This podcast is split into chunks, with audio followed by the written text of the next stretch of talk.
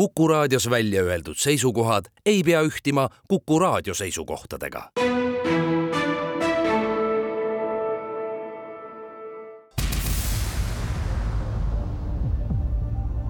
käsi pulsil, pulsil, pulsil, pulsil. tere päevast, kell on kaheksa minutit üle üheteistkümne, alustame saadet Käsi pulsil. stuudios on Martin Ehala ja Kalle Muuli. tere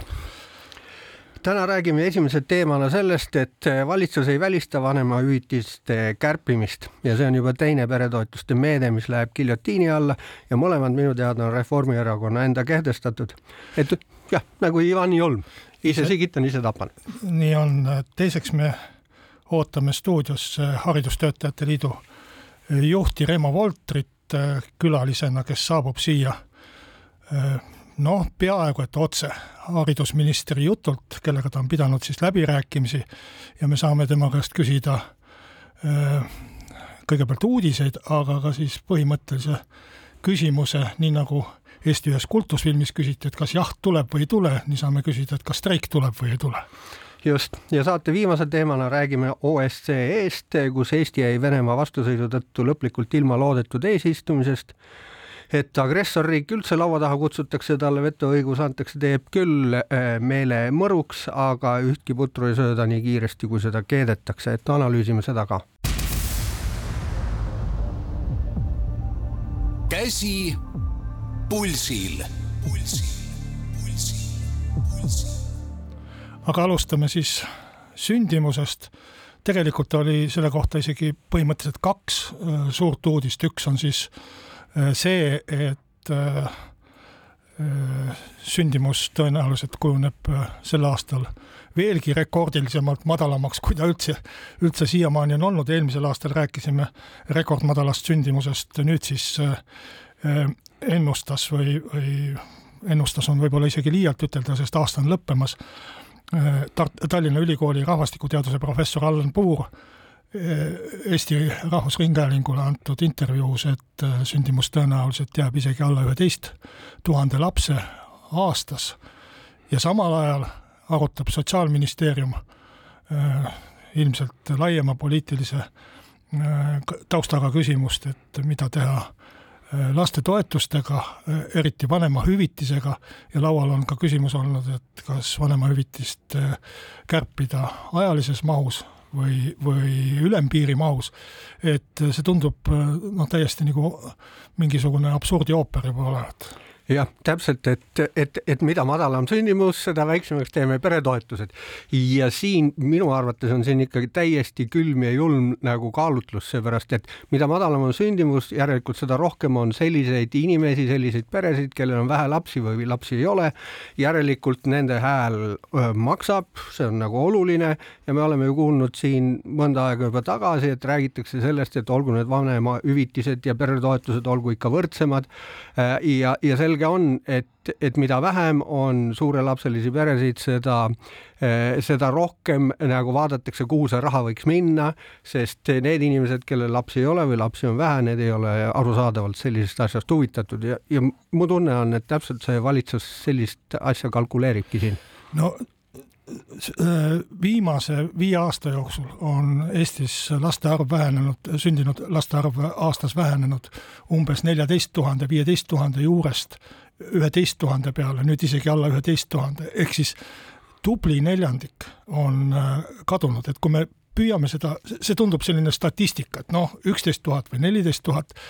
aga kui me seda päriselus ette kujutame, et neljandik rahvast on kadunud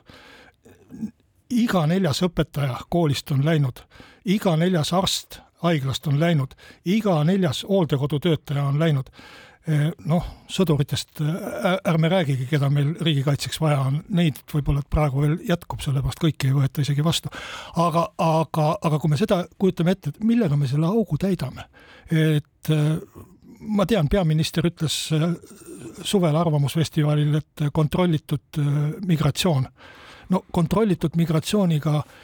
võime asendada võib-olla maasikakasvatajaid või, või maasikakorjajaid, mitte isegi kasvatajaid, aga, või, või ehitustöölisi,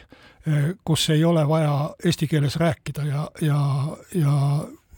olla, olla ütleme ka, ka siinses kultuuris sees, mida eeldab ju õpetajaamet või, või mingi muu amet. et see on, see on ju täiesti absurd, kontrollitud migratsiooni näeme me Soomes. ainuke kontrollimise viis ongi kas piir kinni või, või, või, või ta on kontrollimatu? Et sellist eh, asja nagu kontrollitud migratsioon ei ole, Lääne-Euroopa näitab seda suurepäraselt, nii et kui me tahame ikkagi midagi demograafiaga ette võtta, siis eh, tuleb leida mingisugused eh, teistsugused viisid, see on, on täiesti kindel muidugi eh, Eestis me oleme siin rääkinud eh, demograafilisest kriisist, eh, ma arvan, et juba kolmkümmend aastat, eks ole, seda veel ajal, kui muu maailm rääkis demograafilisest plahvatusest, kõik, mis tulemas on. aga noh, tegelikkus on nüüd selles ja see, see on jõudnud ÜRO-le ja teistele rahvastele ka kohale, et arenenud riikides on sündimus langenud kõikjal ja viimastel aastatel igal pool Euroopas, nii et, et muidugi see on nagu äh, tõsine murekoht, et sündimus Eestis langeb, aga paraku ta langeb ka äh, mujal lääneriikides. Ja nüüd küsimus on selles, mismoodi selle vastu saad, saab ja, ja millised need meetmed on. Ja mulle ikka meeldib äh, äh, äh siin korrata eh, Ene-Margit Tiitu, kes ütleb, et jah, et isegi kui me ei näe, et vanemahüvitistel või perehüvitistel on väga tugev mõju eh, sündimuse kasvule, siis päris kindel on see, et kui nad ära võtta, siis sellel saab olema negatiivne mõju sündimusel. no tegelikult me näeme eh, positiivset mõju ka. minu meelest sel aastal ilmus üks analüüs, kus ütles, kus öeldi vanemahüvitise kohta, et et ta on mõjutanud positiivselt teiste ja kolma, teise ja kolmanda lapse sündi pere, äh, suure pere toetused mõjutavad positiivselt kolmanda ja sealt edasi äh, lapse sündi, see oli näha ka peale kahe tuhande seitsmeteistkümnenda aasta peretoetuste kehtestamist. aga üks huvitav asi on veel, et kui meil sünnib neljandiku võrra vähem lapsi,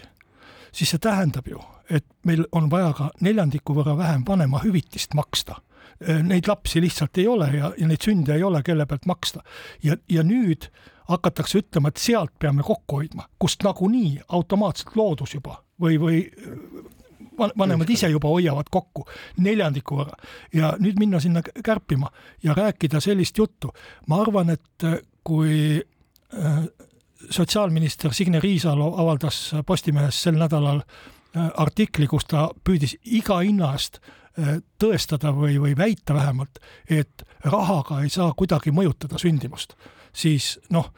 raha eest loomulikult ei saa lapsi osta, lapsi peab tahtma, aga, aga ainult tahtest ka ei piisa, raha on ka vaja, aga, aga eh, noh,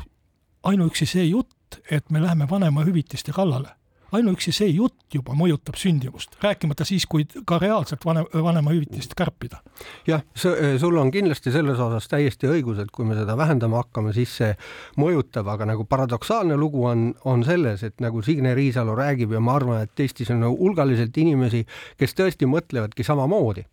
ja, ja paradoks on selles, et veerand peredest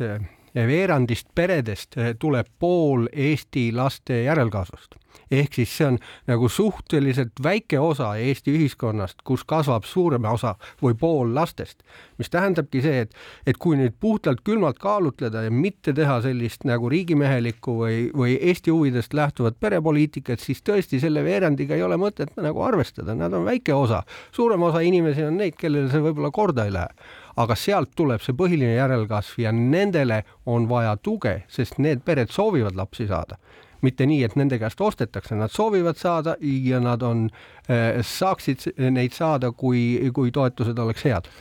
Noh, konkreetselt vanemahüvitise juurde tulles, siis, siis jutt sellest, et kärbime seal seda ülempiiri ja, ja toome, maksame seda vanemahüvitist lihtsalt vähem, et siis ta tegelikult idee poolest enam ei ole vanemahüvitis, siis see on lihtsalt mingi la, lastetoetus või sünnitustoetus või ükskõik, kuidas me nimetame. et kui reformierakondlased ise ei mäleta, Äh, siis äh, nende idee, see vanemahüvitis oli selline, et äh, kui perre sünnib laps, siis pere sissetulek ei, ei, ei tohiks väheneda mitte sendi võrra, selle tõttu, et lapsevanem jääb töölt ära. ja, ja sellepärast sai see vanemahüvitis ka kehtestatud niiviisi, et ta oligi vanemapalk. see, seesama endine teenistus, mis ta, mis ta enne siis lapse sündi oli saanud ja kui tohib veel Reformierakonna ajalugu meenutada, siis meil oli kaks tuhat kaheksa, kaks tuhat üheksa oli väga sügav majanduskriis, väga sügav, neliteist protsenti langes skp, tehti viis negatiivset riigieelarvet.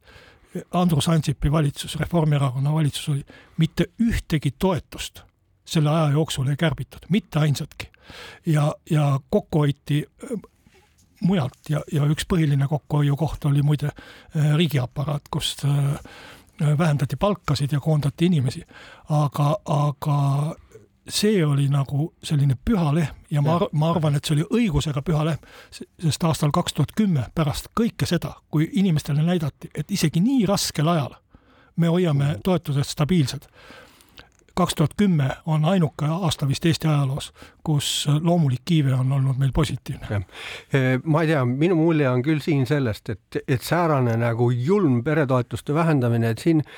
et Reformierakonnal oleks nagu mingisugune eh, tekkinud selline sildade põletamise äh, nagu hoiak, et kui läks trumm, mingu siis veel pulgad ja mingu kõik. et, et nagu mitte mingisugust enam sellist nagu hoolimist ei ole, jäme ots on muidugi nende käes ja nad võivad seda teha, aga ikkagi see, see tundub kuidagi väga isekas. noh, äh, tagajärg on kindlasti see, et või ma loodan, et tagajärg on see, et see valitsus pärast järgmisi valimisi vähemalt on läinud ja siis on võimule tulnud need erakonnad, kes on tulnud võimule lubadusega kõik see ära tühistada ja nad teevad loomulikult seda, aga siis meie poliitika hakkabki olema selline heitlik, et, et täna teeme ühtepidi, homme teeme teistpidi, asjadega, mis peaksid tegelikult kakskümmend, kolmkümmend aastat paigas püsima, sellepärast et noh, kui lastetoetustest rääkida, siis tahaks nagu lapse üles ka kasvatada, tänapäeval see tähendab ikkagi kahtekümmet viit aastat, kui, kui rääkida ülikooliharidusest. jah, see on äh, väga masendav, et poliitika on läinud äh, teineteise tühistamiseks iga järgneva valitsusega aga, aga midagi teha ei ole. et me peame rahvana kuidagi püsima jääma. rahvana peab püsima jääda, nii et järelikult kui valitsus vahetub, siis peab need poliitikad tagasi tulema. käsi pulsil, pulsil, pulsil, pulsil. räägime nüüd õpetajate streigist esmaspäeval esitas riiklik lepitaja oma viimase kompromissettepaneku, et streiki ära hoida ja täna hommikul oli kohtumine haridus- ja teadusministriga selle ettepaneku üle. Eesti Haridustöötajate Liidu esimees Reimo Voltri on tulnud saatesse otse sellelt kohtumiselt ja tere! tervist! kuidas, kuidas see kohtumine kulges, millised on muljed? No nädala alguses äh, siis äh, riiklik lepitaja töötas välja oma ettepanekut, aga esitles ta teda tegelikult seda ikkagi alles täna meile. nii et ähm, ja kui me oleks ähm, noh, ainult selle lepituspakkumisega mm, piirdunud, mis siis lepitaja tegi lähtuvalt siis praegusest riigieelarve eelnõust, no siis me oleks võinud selle viie minutiga ära lõpetada ja ta tuldud teed tagasi minna, ehk siis kui oleks jutt olnud ikkagi ainult sellest nelja koma kolmest kolmest protsendist äh, siis palgafondi tõusust, aga mm, äh, haridus- ja teadusminister oli mm, siis pingutanud äh, ja leidnud siis ministeeriumi seest lisavahendeid ja tegi siis natuke suurema pakkumise, aga noh, see praegusel hetkel sellisel kujul, nagu minister seda nägi, et enamus rahast läheks ikkagi diferentseerimisfondi tõusuks, meid ei rahulda me tegime kompromissettepaneku teistsuguse ja nüüd näeme, kas eh, õhtul meie volikogu noh, aktsepteerib seda pakkumist, mille meie delegatsioon siis vastupakkumiseni kui, kui suur on suurem pakkumine või, või suurem? No, praegu leiti kaheksa protsenti, kaheksa miljonit raha juurde ja kui meie ettepanek oli, meie ettepanek oli siis selline, et, et kõik raha või praktiliselt kõik raha, mis üldse olemas on õpetajate palga tõusuks ehk oli praegu kaks, siiani kakskümmend neli miljonit, kaheksa juurde on kolmkümmend kaks miljonit. et kui see kõik läheks alammäära tõusu, eh, siis eh, me võiksime tõesti eh, näha, et õnnestuks töörahu säilitada alampalga tõusuna mitu protsenti? Äh, see on siis viis protsenti oleks see ja äh, siis, kui nüüd valitsus tõesti soovib ka näha, kui kogu valitsus tahaks ikkagi tõesti oma kinnitada oma seda soovi, et tõesti jäädakse oma siis eesmärgi juurde kindlaks, et saja kahekümne protsendini jõuaks õpetajate töötasu, siis äh, ma loodan, et tõesti äh, valitsus leiab ka äh, vajalikud kümme, üksteist miljonit juurde, et siis diferentseerimisfond tõsta kahekümne protsendini ja sellisel juhul tõesti me saaksime selle pakkumise vastu võtta, kui valitsus seda aktsepteerib ja meie, meie organisatsioon ka seda aktsepteerib. no mis see kinnitamine nüüd päriselus tähendab, et kas vannuvad käsi piibli peal, teevad mingisuguse otsuse, sest seda kinnitust on ju, ju kümneid kordi olnud, see oli valimisprogrammides oli see kinnitus, see kinnitus on koal, valitsuskoalitsiooni leppes on sada kakskümmend protsenti. no mida veel kinnitada? nõus selles mõttes, et mingid see, see kinnitus peab olema ikkagi eh, nii-öelda lepitaja juuresolekul, lepitaja, riikliku lepitaja eh, siis vahendusel sõlmitud kokkulepe, kus kinnitatakse nii-öelda paberil, et et, et alammäära tõus on nii suur, diferentseerimisfondi tõus on nii suur, see ja see tähendab ka, et, et sama suur peab olema ka siis nende kutsehariduse õpetajate töötasu tõus ja, ja selles mõttes kinnitus ja see on siduv kokkulepe juba, kui lepitaja juures seda, seda ei saa enam muuta sellisel juhul. okei okay., mu küsimus on see, et kas see viieprotsendine alampalga tõus, kas see, see ettepaneku, selle tegite juba täna koosolekul ja mis näoga minister seda äh, kuulas? no tema ütles, et temal ei ole selles mõttes praegusel hetkel volitusi otseselt seda ikkagi vastu võtta, et ta peab saama ka aktsepti nii-öelda äh, valitsuses sellele. Äh, ja noh, tegelikult ka meie delegatsioonil noh, otseselt päriselt selliseid volitusi ei ole. ehk siis me tegime selle ettepaneku ja me läheme siis nii-öelda täna õhtul küsima oma volikogu kogu käest siis seda aktsepti. Ja kui me selle saame, siis valitsus äh, pidi äh, kogunema erakorraliselt äh, või peaks kogunema erakorraliselt järgmisel esmaspäeval ja siis arutavad nad seda ja siis kas me saame siis sealt kokkuleppele või tuleb siis erimeelsuste protokoll sõlmida allkirjastamiseks ja siis saame edasi minna streigi ettevalmistustega. kuidas on teil tunne eh, oma volikogu eh, suhtes, kas see viieprotsendine pakkumine, mille te tegite koosolekule, et kas eh, volikogu võtab selle vastu või on rohkem või on revolutsioonilisem? no ütleme, et ega õpetajad ei taha ju streikida, et me kindlasti tahame tegelikult oma tööd teha ja noh, see on kindlasti selline väga kui vastu võetakse, siis väga pika hambaga, ehk siis see, et, et tegelikult ikkagi see on äh, suur ja väga suur äh, vastutulek praegusel hetkel äh, ühiskonnale ja valitsusele, et äh, siiski äh, see äh, töörahu säiliks ja me saaksime ikkagi õpet-, õpetada ja lapsed saaksid õppida ja ei jääks lünka nende haridusse. no see viis protsenti alampalgale juurde kui ma mõtlen, et järgmisel aastal keskmine palk on prognoositud kasvama seal üle kuue protsendi, et äh, reaalkasvu noh, ma ei suuda nüüd küll õpetajate keskmisse palka seda ümber arvutada, seda alampalga äh, kasvu siin mikrofoni taga, aga isegi kui seal oleks mingisugune kasv, siis väga suur see kindlasti ei saa olla, et pigem ikkagi tammume paigal ühe koha peal või isegi läheme natukene tagasi. aga mul oleks selline võib-olla, et natukene äh, Äh, riukalik või, või pahatahtlik küsimus isegi, et kui ma neid läbirääkimisi jälgin äh, juba septembrikuust saadik või vähemalt oktoobri algusest, et siis kogu see mulje on mul selline, et noh, eesmärk on põhiliselt võimalikult kaua seda venitada, et, et saaks selle riigieelarve vastu võtta, saaks, saaks jõulud kätte ja, ja järgmine aasta ütleme neile lihtsalt, et tulge augustis uuesti, hakkame uuesti samast kohast pihta, kus me, kus me siia olnud te olete istunud seal laua taga ja, ja, ja rääkinud seda, et kas minu kui, kui meediatarbija mulje on läbirääkimistest väga väärastunud ma ei saa vastupidist ka väita, sest kahekümne seitsmendal septembril me andsime avalduse riiklikule lepitajale ja peale seda on siis riiklik lepitaja pakkunud kohtumise aegu, mida on pidevalt või mitmeid kordi ministri ehk siis valitsuse poolt soovi, valitsuse poolt vaadates siis nende poolt soovitult edasi lükatud ja noh, ütleme, et raske on näha siin mittevenitamist, ütleks niimoodi, et laua taga küll tundub, et meie minister on nii-öelda probleemi tõsidusest aru saanud ja tahab seda lahendada, aga tõesti selline lep lepitaja vahendusel selline venitamine, venitamise mulje on äh, kahjuks ka õpetajaskonnale jäänud, jah. ja no mulle tundub, kui ma seda asja, asja kõrvalt vaatan, on ikkagi see, et, et see on ka väga põhimõtteline küsimus aususest, poliitika aususe kohta, eks ole, et kui ikkagi midagi lubatakse enne valimisi kirjutatakse see sisse koalitsioonilepingusse ja siis lihtsalt öeldakse, et ohoo, nüüd raha ei ole ja me ei tee.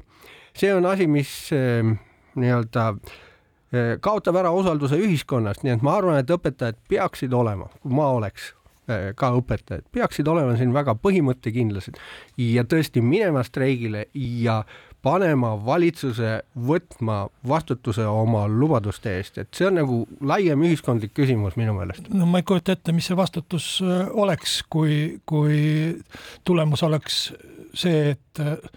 noh, haridusminister jääb oma nelja protsendi juurde ja, ja õpetajad on viie protsendi juures, et see, see oleks küll ka väga väike võit sellega, mis äh, streik annaks või? no selles mõttes ma tegelikult äh, tahakski näha, et, et kogu valitsus võtab siin ikkagi ka vastutust ja, ja mitte ainult minister ei otsi siis oma ministeeriumi eest seda äh, lisaraha, vaid tegelikult ju praegu on äh, siis riigieelarve äh, seotud usaldushääletusega, seega ta on praegusel hetkel valitsuse käes, valitsusel on võimalik teha seal kõiki muudatused, muudatusi, nagu ta soovib ja kui oleks tegelikult probleemi tõsidusest arusaamine ja tõesti oleks haridus prioriteet ja õpetajad oleks prioriteet, siis tegelikult tegelikult leitakse, eh, leitakse lisaraha ka, et, et tõesti me vähemalt õpetajate töötasu ei langeks võrreldes keskmisega ja suudetaks siis see streik ära hoida, see on puhtalt eh, valitsuse käes praegu. jah,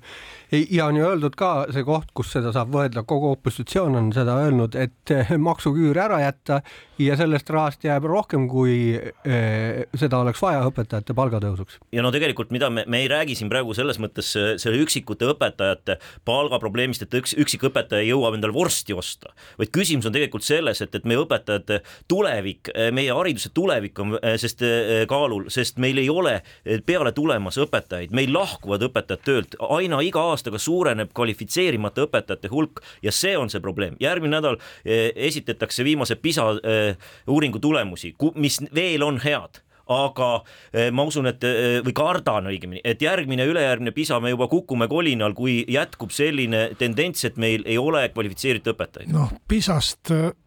mul on suhteliselt ükskõik, ehkki PISA on tubli hindamismeetod, aga, aga ma mõtlen ikkagi tegelikult nagu Eesti koolil ja Eesti, Eesti hariduse ja Eesti õpilaste peale, et see on nagu kõige, kõige tähtsam asi, PISA-ga võime me näidata, mis on juhtunud.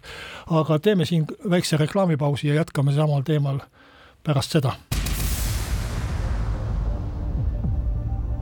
käsi pulsil, pulsil, pulsil, pulsil jätkame saadet, stuudios on Martin Ehala ja Kalle Muuli saatejuhtidena ja külalisena Haridustöötajate Liidu juht Remo Voltri. rääkisime siin äsja lõppenud või, või jätku saanud läbirääkimistest õpetajate palga teemal. ja, ja jõudsime siis teadmiseni, et et kompromiss oleks kuskil viie protsendi kalla juures alampalga tõusu mida siis peab haridusminister veel minema omalt poolt äh, läbi rääkima valitsusele, aga minu selline kiuslik ja, ja pahatahtlik küsimus on see, et et äh, mulle tundub, et valitsus on mingis mõttes haridusministri tanki pannud, võib-olla õigusega, sellepärast et haridusminister enne valimisi väga suure suuga rääkis, kuidas tol ajal ta ei olnud veel haridusminister, oli äh, Eesti kahesaja üks juhtpoliitikuid, rääkis suure suuga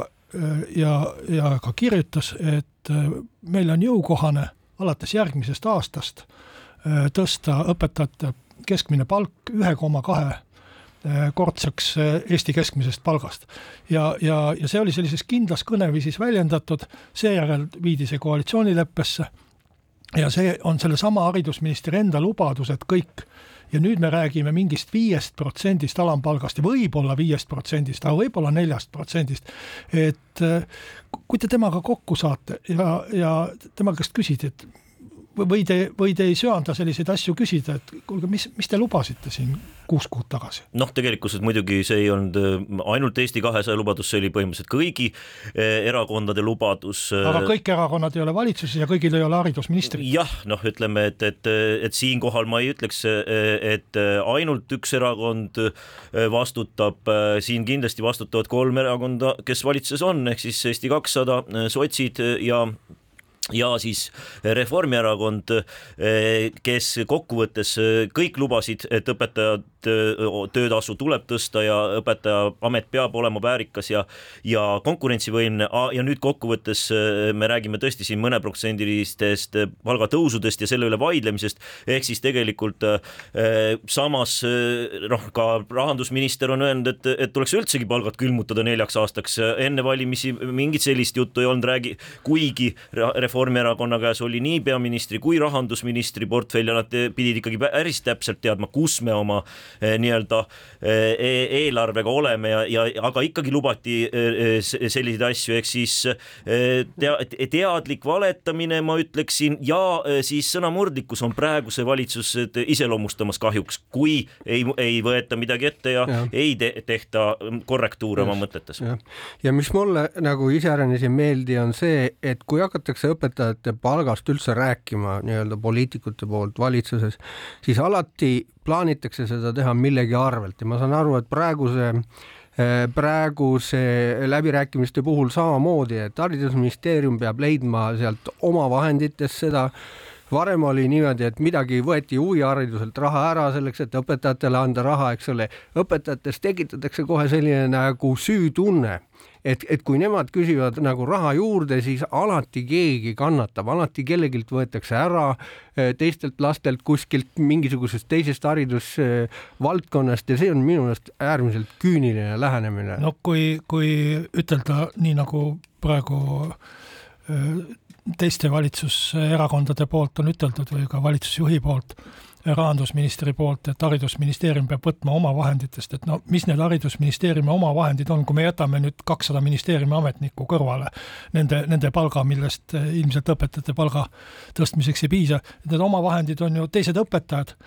mingi huviharidus, teadlased, teadus. koolide optimeerimine ka, eks ole, koolivõrgu. see on siis eh, see koht, kust peaks õpetajate palgatõusuks eh, raha leidma. et noh, isegi kui, kui, kui võtta sealt ära, siis on ju täpselt samasugune kannatamine teisel pool vastas. just, noh, sellepärast me räägimegi, et tegelikult me tahaksime ikkagi näha, et, et kogu valitsus öö, mitte ainult sõnades ei räägiks, et, et õpetajad on olulised ja siis, et eesmärk jõuda saja kahekümne protsendini on säilinud, vaid näidataks seda siiski ka tegudega ja selleks on praegusel hetkel täiesti võimalik haridusel või samas valitsusel seda teha, et riigieelarve on nende käes, tõsta siis ja prioriteetsust seada ja näidata, tõsta siiski õpetajate õpetajate palgaks raha juurde, et õpetajate palk ei langeks võrreldes keskmisega. Ja see, see on ju e-, üle-eelmine minister Liina Kersna mm, oma artiklis tõi välja, et, et selleks ei ole väga palju raha juurde vaja, et, et see mingi neliteist miljonit või et, et see, see oleks valitsusel kindlasti võimalik, kui oleks tahtmist ja, ja mitte ainult sõnades, vaid ka tegudes. ma arvan, et selle valitsuse tahtmisega on niimoodi, et kui ei sunnita, siis seda tahtmist ei ole, nii et ma küll soovitaks õpetajatele hoida selg sirgu selle siin selle koha peal. maksuküür, millest me siin enne rääkisime, on erinevatel hinnakut-, hinnangutel seal kolmsada miljonit, nelisada miljonit ja, ja suurematel hinnangutel viissada miljonit väärt. et no ma ei tea, kõike ei pea ju õpetajate palkadeks panema, aga kui õpetajate palga eh, nõudmine on neliteist sellest neljasajast, et siis on, on päris naeruväärne rääkida, aga selle peale muidugi õpet-, üteldakse, et see maksuküüru tõus, see ju kõige rohkem aitab õpetajaid, et kujutate ette, sealt ikkagi puhast, puhas demagoogia selles mõttes, et õpetajaid on hea küll seitseteist, kaheksateist tuhat, eks ole, aga sinna nii-öelda äh, nagu sissetuleku detsiilidesse kuulub kindlasti mingisugune sada tuhat inimest, nii et see ei ole küsimus sellest, et ainult õpetajad see ongi võidavad. see probleem, millest tegelikult valitsus, peaminister eelkõige ei, ei taha aru saada ja rahandusminister, et räägivad, et, et õpetajad võidavad sellest kõige rohkem. aga meil on probleem selles, et õpetajaid ei tule juurde, lähevad ära ja miks, sest õpetajad, kes on Eestis magistriharidusega spetsialistid, saavad oluliselt vähem palka kui teised kõrgharidusega töötajad ja kui maksuküür ära kaotatakse, siis kaob see kõigile ära ja me ei tõuse, õpetajaamet ei tõuse kuidagi selles konkurentsiolukorras, see on see probleem probleem, mitte see, et, et kas ma saan sada eurot rohkem palka, aga kui teised saavad ka kõrghariduse töötajad saavad samuti sada eurot rohkem kätte, siis meie konkurentsiolukord mitte kuidagi ei parane ja õpetajaskond, kvalifitseeritud õpetajaskonna hulk ei suurene, vaid iga aastaga väheneb ja vars- ja meil on praegu juba tuhat õpetajat, kes on keskharidusega ja iga aasta see suureneb ainult. ja äh, kriitikud on öelnud seda ka, et tegelikult on ainult Harjumaal, Tallinnas ja Hiiumaal õpetajate palk keskmisest madalam ja ülemal mujal Eestis Eestis pidi olema olukord parem, et kuidas te sellele kriitikale üldse vastaksite? kas me tahame siis, et, et ülejäänud Eestis ei olekski siis kvalifitseeritud õpetajaid, et, et võib-olla tõesti need õpetajad, kes seal praegu on, ei läheks ära, kui nende palka kohe ei tõstetaks, ainult tõstetaks Tartus, Tallinnas, ütleme, aga kui sealt õpetaja siis lahkub kas siis manala teele või ametist ära, siis lähe sinna asemele ei lähe ükski õpetaja praegu, juba praegu ei lähe, aga siis, kui veel palk oleks veel äh, väiksem võrreldes äh, ülejäänud Eesti keskmisega ja ülejäänud kõrghariduse töötajatega Eestis, siis äh, olekski kihistumine, hariduslik kihistumine Eestis veel suureneks, ehk siis Tartust, Tallinnast saaks ainult haridust ja ülejäänud kohad oleks tõesti meeldivad kokkusaamiskohad, kus siis kümna-, e-, eelmine aasta gümnaasiumi lõpetanud inimene siis aega veedab lastega või? no äh see keskmisega võrdlemine on tore küll ja võib-olla, et mõõdikuna miks mitte üks koma kaks ja sada kakskümmend protsenti ja need kõlavad hästi, aga tegelikult ju päriselus eh, me peaksime rääkima ikkagi õpetajatest kui kõrgharidusega tippspetsialistidest. magistriharidusega noh, kõik ei ole, aga peavad olema ja, ja me peaksime võrdlema neid elukutseid, kui noor teeb nüüd elukutse valiku, et mida minna õppima, kas IT-d või, või õpetajaks, kas pangaametnikuks või õpetajaks, kas arstiks või õpetajaks, juristiks või õpetajaks, siis me tegelikult peaksime nende eluvaldkondade keskmiste palkadega või, või palkadega võrdlema. ja, ja see oleks hoopis teistsugune pilt, kui, kui rääkida üle Eesti kus on sees ka keskharidusega inimesed ja, ja, ja, ja madalama haridusega inimesed, kutseharidusega inimesed, et, et nende palkade tasemel arutada siis õpetajate palkadest, et kus on keskmiselt suurem või keskmiselt mm, väiksem, et see on ju jabur, see tegelikult ei too õpetajaid juurde ja nüüd me oleme palgast hästi palju rääkinud, aga kas ka mingisugused muud tingimused on olnud jutuks, näiteks see, et õpetaja töökogemus ei kajastu töötasus ja või, või on nendel läbirääkimistel ikkagi ainult nagu see alampalga küsimus? no tegelikult noh, põhikooli ja gümnaasiumiseaduse paragrahv seitsmekümne kuue järgi me saame rääkida läbi küll alammäära osas, aga seal on tõesti äh, tõstatatud ka noh, nagu minister äh, on tõstatanudki ja rääkinudki, et, et valitsuse soov ja tema soov on rohkem tõsta diferentseerimisfondi. Äh, selle arvelt saabki siis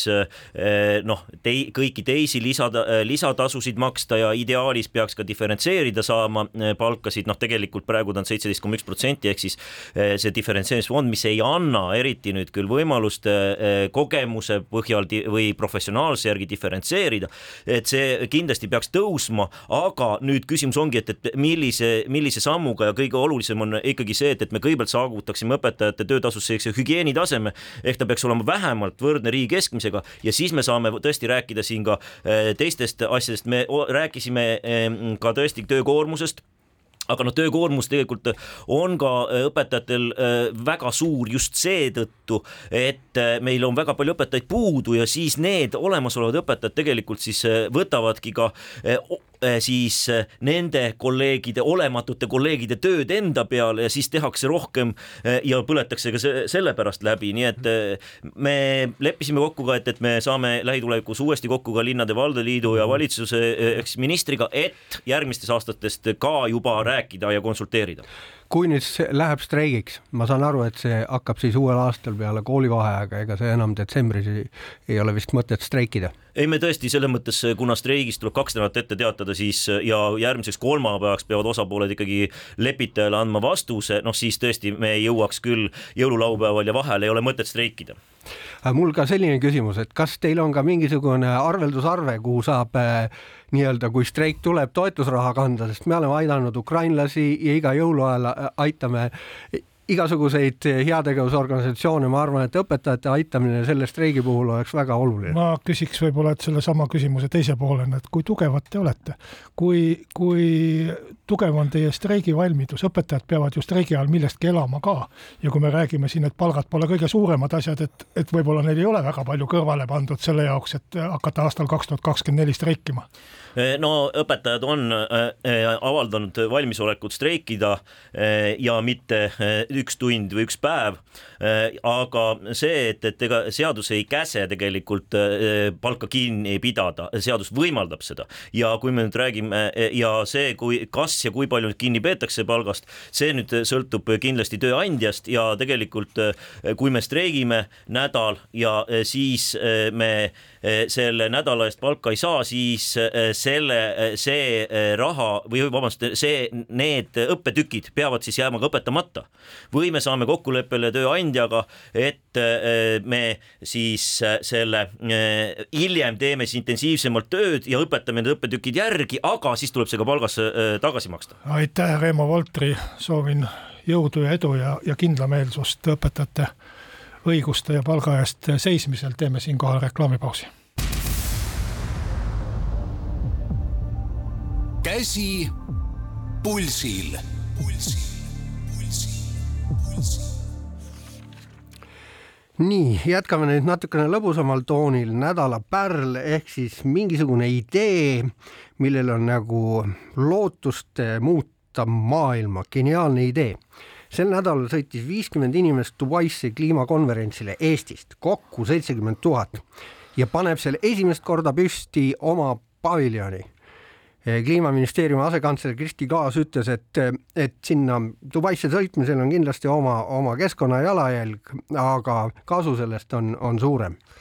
noh, äh, kõige naljakam ju ongi see, et, et äh, võitleme kliima eest äh, reostamise vastu ja siis seitsekümmend tuhat inimest äh, võib ju mingi lennuki suurusega ära jagada selle numbri, et mitu lennukitäit siis sinna Dubaisse lennutati. Dubaisse, mis on ju tegelikult üles ehitatud puhtalt keskkonna reostamise rahadega, keskkonna reostamise hinnaga, ütleme siis niiviisi, naftariik ja, ja, ja sellel naftariigil lastakse siis võõrustada seitsekümmend tuhandet inimest, kes tulevad ja, ja lepivad milleski kokku, mida suur hulk riike äh, ei täida, muidugi suur hulk ka täidab. ja aga, aga, aga, aga see kliima, kliimapaviljoni idee muidugi, see on juba teine kliimapaviljon Tallinn rohepealinna äh, ajal tegi ju ka oma kliimapaviljoni, mida nad kütsid nii-öelda rohediisliga, eks ole. nüüd on järgmine kliimapaviljon tehakse Dubaisse siis ja, ja siis selle kliimapaviljoniga kaetakse kinni sinna sõitmise jalajälg ja seal mõeldakse välja mingisugused uued ideed, ehitada veel suurem paviljon, millega katta kinni siis see ja eelmine paviljon. ja kindlasti lepitakse kokku ka järgmine kokkutulek, kus enam ei ole seitsekümmend tuhat, vaid sada seitsekümmend tuhat osavõtjat, sellepärast et see kindlasti tehakse ka mõnes soojal maal külmal ajal, eks ju. nii nagu ametnikel tihtipeale on komme teha talvisel ajal üks selline üle-euroopaline kuskil kogunemine Tenerifel või Madeiral või mingisuguses sellises kohas. aga mis on nagu väga tähenduslik minu meelest on see, et suvel ütles seesama meie valitsus, et Osaka maailmanäitusele ei lähe kolmkümmend aastat on seal Eestil olnud oma paviljon, aga järgmine kord nüüd see, me ei tee sinna paviljoni ja siis vaevalt kolm kuud hiljem öeldakse, oo, hurraa, me läheme Dubaisse, teeme sinna paviljoni hoopis. et olla konstruktiivne ja mitte ainult äh, kritiseerida, siis mul on väga konstruktiivne ettepanek äh, kliima äh, eest võitlemiseks, et lõpetaks ära esimese asjana konverentsiturismi see oleks tohutu panus kliima puhastamis CO2 heitmetest, mis tekivad lennukiga kokkusõitmisel üle eh, maailma ja ma arvan, et ainuüksi see otsus päästaks maailma ka selles mõttes, et siis ei mõeldaks välja enam selliseid lollusi, nagu siiamaani on kliima nimel mõeldud. jah, see, et pandeemia ajal saime kõik suurepäraselt nii-öelda pidada konverentse virtuaalsel teel ja nüüd tuleb välja, et ilma kokku saamata ei ole võimalik kokkulepet sõlmida. aga räägime saate lõpuks veel ühest konverentsist, kus Eestil oli oma,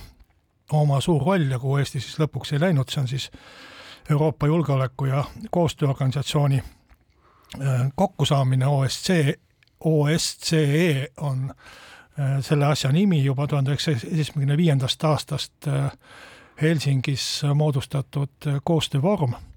kus Eesti pidi saama siis eesistuja koha